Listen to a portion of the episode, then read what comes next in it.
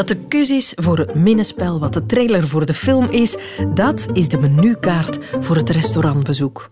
Iets om ons helemaal in de stemming te brengen. Klaar voor een fantastische avond. Iets dat ons moet verleiden om all the way te gaan.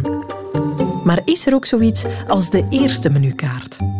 Ik ben Sophie Lemaire en dit is een snelle geschiedenis van de menukaart. De menukaart, zoals we die vandaag kennen, dat is een lijst met mogelijke keuzes. Spaghetti of filet puur, ijs of taart of ijstaart. Maar zo begon het niet. De eerste menukaarten die kreeg je pakweg 600 jaar geleden als je te gast was bij een of andere chique pief met een groot kasteel. Ja, zeker. Helemaal privé, totaal. Uh, mensen gingen bij elkaar eten. En dat is niet zoals vandaag gebeurt als je bij vrienden een avondje gaat. Dat is een verblijf van soms enkele weken of soms zes maanden. Uh, en dan uh, dus is, is eten één van de vormen om te tonen hoe rijk je het wel hebt. Dit is Peter Scholiers, historicus aan de VUB, gespecialiseerd in onze eetgewoonten door de eeuwen heen. Een diner dat diende om te stoeven.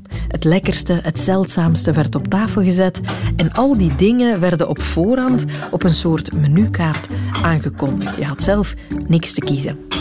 Restaurants of herbergen bestonden in die tijd natuurlijk ook al, maar ook daar aanvankelijk zonder een menu zoals wij dat kennen. Men schreef op een krijtbord wat er in huis was of de waard kwam het je vertellen. Tot de 18e eeuw. Rond 1780, dus voor de Franse Revolutie, ontstaat dat fameuze Franse restaurant, bijzonder elitair, waar de keuze wordt gegeven tussen verschillende soorten vlees, tussen verschillende soorten vis uh, en wijn en, en voorgerechten en amuses en, en al wat uh, zich dan ontwikkelt.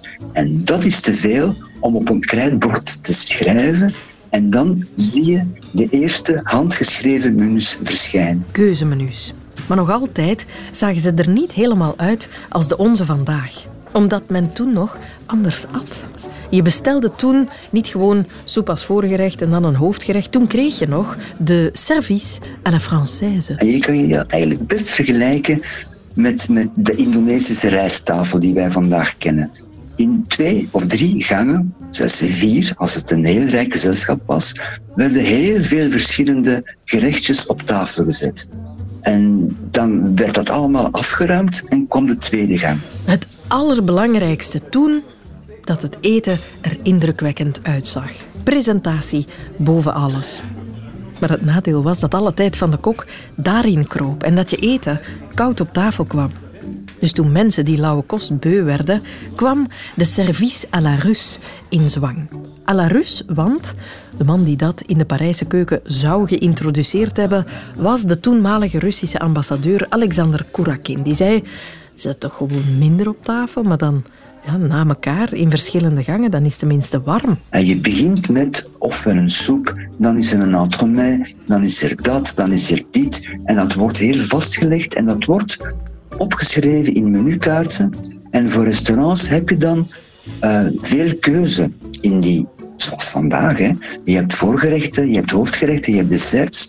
En daar wordt de keuze gemeld. Iedereen is enthousiast over die nieuwe manier van serveren. Dus het verspreidt zich snel wereldwijd. En de menukaart, met alle gangen, het hele keuzemenu, die reist mee.